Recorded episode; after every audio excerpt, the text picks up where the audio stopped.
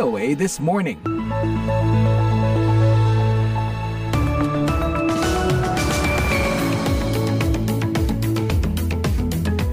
Halo, halo pendengar di tanah air, selamat pagi. Inilah VOA Washington bersama saya, Puspita Sariwati. Apa kabar? Semoga Anda sehat selalu ya, dan tentunya masih dalam suasana lebaran. Tapi jangan lupa berolahraga ya, setelah menyantap banyak hidangan lebaran yang lezat. Nah, pendengar dalam VOA This Morning ini, saya ditemani produser Bani Rahayu telah menyiapkan sejumlah laporan dan info terbaru di antaranya Presiden Biden mengumumkan pencalonan kembali dirinya sebagai presiden untuk masa jabatan kedua. Now we just got to keep it going. Finish the job. We just remember who we are. We are the United States of America. There's nothing dari dalam negeri, puluhan ribu buruh akan menggelar aksi di sekitar Istana Negara Jakarta pada peringatan Hari Buruh Internasional 1 Mei nanti. Buruh menuntut pemerintah dan DPR membatalkan Undang-Undang Cipta Kerja yang dinilai merugikan buruh. Selain itu, berbagai info menarik akan kami sajikan di antaranya Kini semakin banyak bisnis yang memanfaatkan drone untuk mengantar kue hingga kopi. Pendengar siaran ini juga dapat Anda ikuti melalui situs www.voaindonesia.com atau simak dalam podcast VOA This Morning episode hari ini di podcast langganan Anda. Kini kami sampaikan berita dunia bersama rekan Rifan Duyastono. Inilah berita dunia VOA Washington. Tak lama setelah Presiden Amerika Serikat Joe Biden secara resmi mengumumkan pencapresannya pada 2024 hari Selasa, ia disambut hangat oleh para anggota Serikat Buruh di Washington. Dengan disambut riuh rendah para anggota Serikat Pekerja Bangunan yang merupakan basis utama pendukung Partai Demokrat yang meneriakan slogan Let's Go Joe alias Ayo Joe, Biden menggembar-gemborkan puluhan ribu lapangan kerja di bidang konstruksi yang tercipta sejak ia mulai menjabat sebagai presiden yang didukung oleh legislasi yang ia sahkan.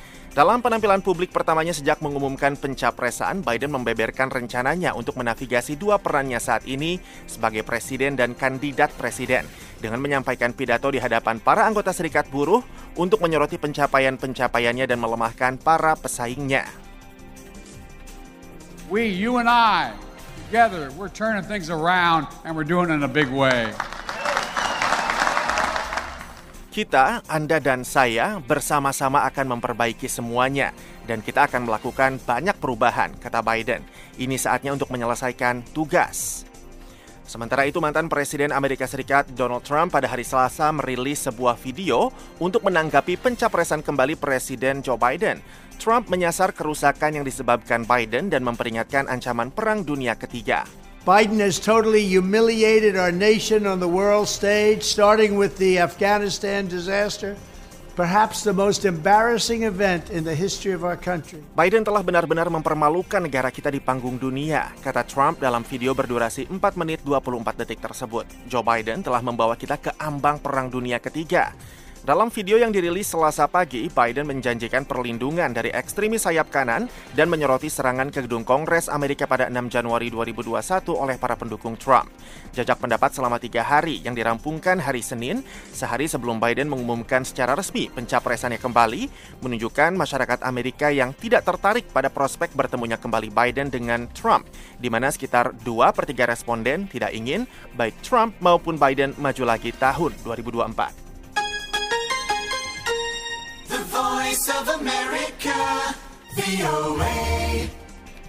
Para Menteri Pertahanan dan Kepala Badan Intelijen Iran, Rusia, Suriah, dan Turki menggelar perundingan hari Selasa yang digambarkan Ankara dan Moskow sebagai pertemuan yang konstruktif. Sebagai bagian dari upaya untuk membangun kembali hubungan Turki dan Suriah setelah permusuhan bertahun-tahun selama Perang Suriah. Turki, negara anggota NATO, telah mendukung secara politik dan mempersenjatai kelompok yang menentang pemerintahan Presiden Suriah Bashar al-Assad selama perang selama 12 tahun dan mengirim pasukannya sendiri ke sisi utara negara itu. Di sisi lain, Rusia telah menjadi sekutu utama Assad. Moskow telah mendorongnya untuk berkonsiliasi dengan Ankara, namun Damaskus menuntut penarikan penuh pasukan Turki agar hubungan kedua negara dapat pulih. Keempat negara menegaskan kembali keinginan mereka untuk menjaga integritas wilayah Suriah dan kebutuhan untuk mengintensifkan upaya untuk segera memulangkan pengungsi Suriah ke negara mereka. Demikian bunyi pernyataan-pernyataan itu. Sementara itu, Sekretaris Jenderal NATO Jens Stoltenberg mengatakan pada Selasa bahwa Georgia harus menjunjung tinggi standar-standar demokrasi menjelang pertemuan dengan Perdana Menteri Georgia Irakli Garibashvili. I count uh, on Georgia to redouble efforts uh, on domestic reforms and uphold democratic standards. Stoltenberg mengatakan ia menyambut baik keputusan Bilisi pada 9 Maret lalu untuk membatalkan rencana memperkenalkan apa yang disebut kritikus sebagai RUU agen asing yang terinspirasi Rusia yang akan mewajibkan setiap orang dan organisasi yang menerima 20% pendanaan dari pemerintah asing untuk melaporkannya kepada pemerintah. Georgia mendaftarkan diri untuk menjadi anggota blok Uni Eropa pada Maret 2022 bersama Ukraina dan Moldova. Namun Brussels menolak pendaftaran Tbilisi karena mengkhawatirkan supremasi hukum dan independensi peradilan di negara itu di antara alasan lainnya. Kita beralih ke Jepang. Sebuah perusahaan Jepang mencoba mendaratkan pesawat ruang angkasanya di bulan Rabu pagi, namun nasibnya tidak diketahui karena para pengendali penerbangan itu kehilangan kontak dengan pesawat tersebut beberapa saat sebelum pendaratan yang sudah dijadwalkan. Mereka menatap layar kontrol dengan wajah tanpa ekspresi di Tokyo seiring menit demi menit berlalu tanpa kabar dari pesawat itu. Jika berhasil, perusahaan iSpace akan menjadi perusahaan swasta pertama yang berhasil melakukan pendaratan di bulan. Demikian berita dunia VOA Washington, saya Rifan Dwi Astono.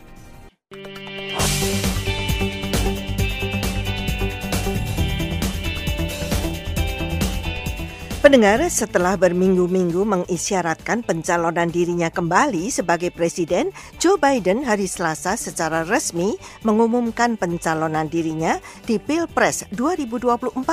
Pengumuman itu disampaikan dalam video sepanjang 3 menit yang menggambarkan tentang apa yang dipertaruhkan dalam Pilpres tahun depan, yaitu jiwa Amerika yang hilang.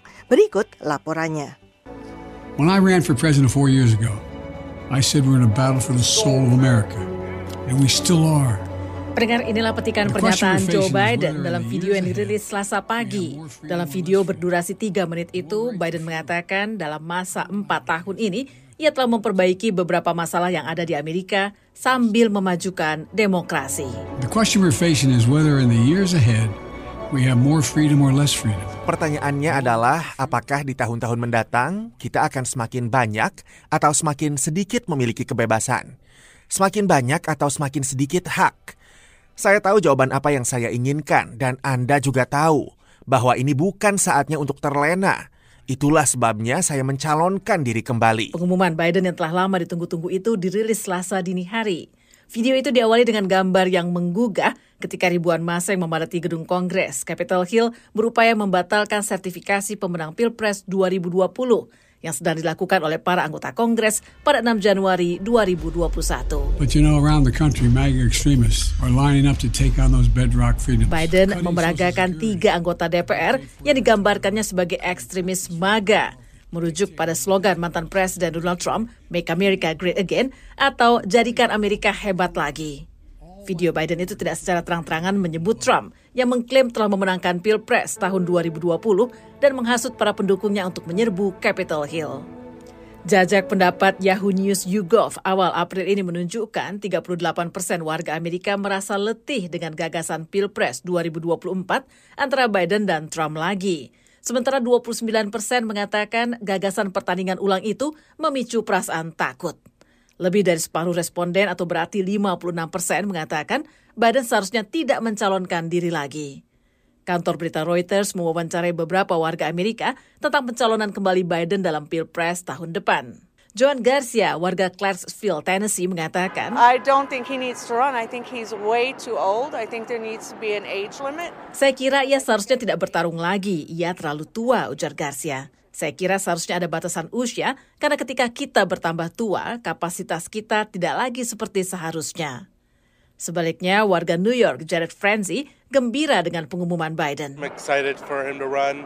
Uh, I think it'll be good. Saya sangat gembira ia maju lagi. Saya kira ini akan baik. Ia memiliki rekam jejak yang terbukti dibanding Trump, yang tampaknya akan kembali menjadi pesaingnya nanti.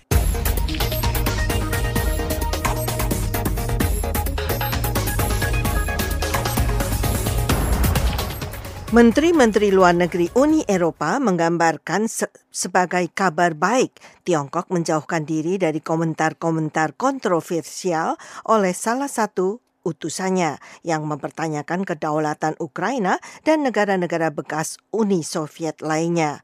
Dari Paris dilaporkan, Kepala Kebijakan Luar Negeri Uni Eropa, Joseph Borrell, optimis Uni Eropa akan meningkatkan ekspor amunisi yang sangat dibutuhkan Ukraina. Pernyataan Kepala Kebijakan Luar Negeri Uni Eropa, Joseph Borrell, muncul setelah pernyataan Duta Besar Tiongkok untuk Prancis, Lu Xiaoyi, memicu kehebohan.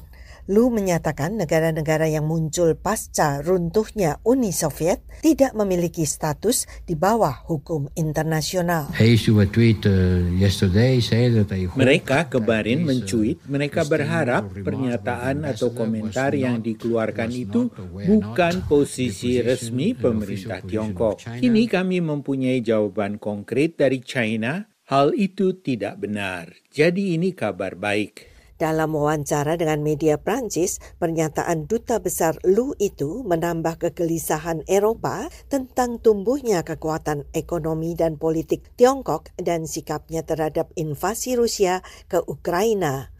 Beijing menyatakan ingin menjadi penengah untuk mengakhiri perang, tetapi beberapa negara anggota UE skeptis, terutama yang pernah menjadi bagian dari Uni Soviet.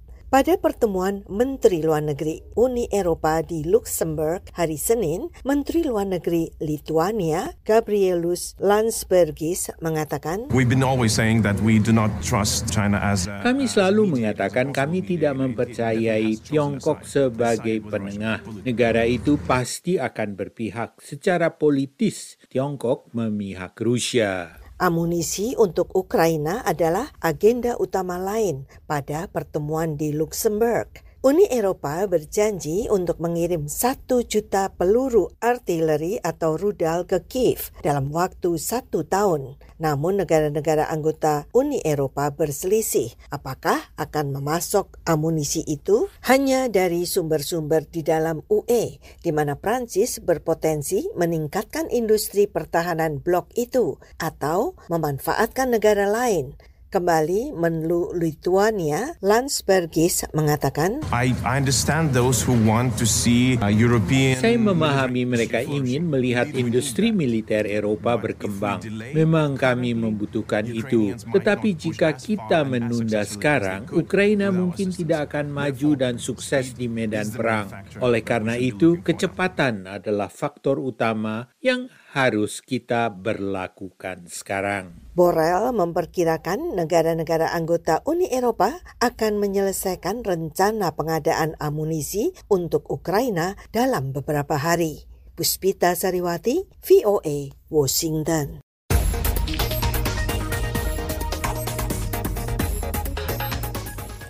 Pendengar puluhan ribu buruh akan menggelar aksi di sekitar Istana Negara Jakarta pada peringatan Hari Buruh Internasional 1 Mei 2023. Sasmito Madrim menyampaikan laporannya dari Jakarta. Ketua Umum Kongres Aliansi Serikat Buruh Indonesia atau KASBI Sunarno mengatakan, buruh dari berbagai organisasi akan menggelar aksi di berbagai daerah pada Hari Buruh Internasional atau Mei 2023. Aksi akan dipusatkan di kantor-kantor pemerintah daerah.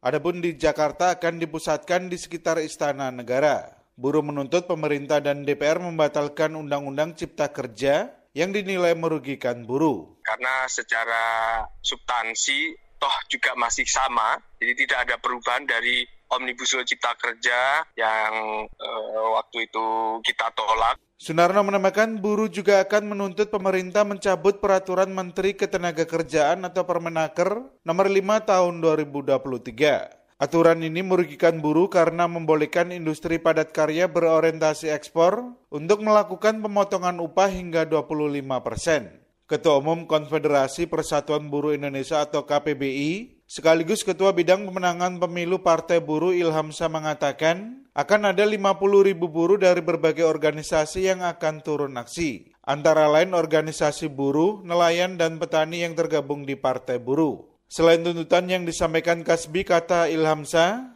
peserta akan menggelar aksi di depan gedung Mahkamah Konstitusi di Jakarta. Hal tersebut dilakukan karena buruh akan menggugat semua undang-undang ke Mahkamah Konstitusi, yakni Undang-Undang Cipta Kerja, ketentuan ambang batas pencalonan presiden, dan ambang batas parlemen. Kita melihat presiden threshold ini satu bentuk di mana upaya untuk mempertahankan oligarki berkuasa di negeri ini. Selain di Jakarta, buruh juga akan menggelar aksi di berbagai daerah dengan titik aksi di kantor pemerintah daerah, antara lain di Surabaya, Semarang, dan Palembang.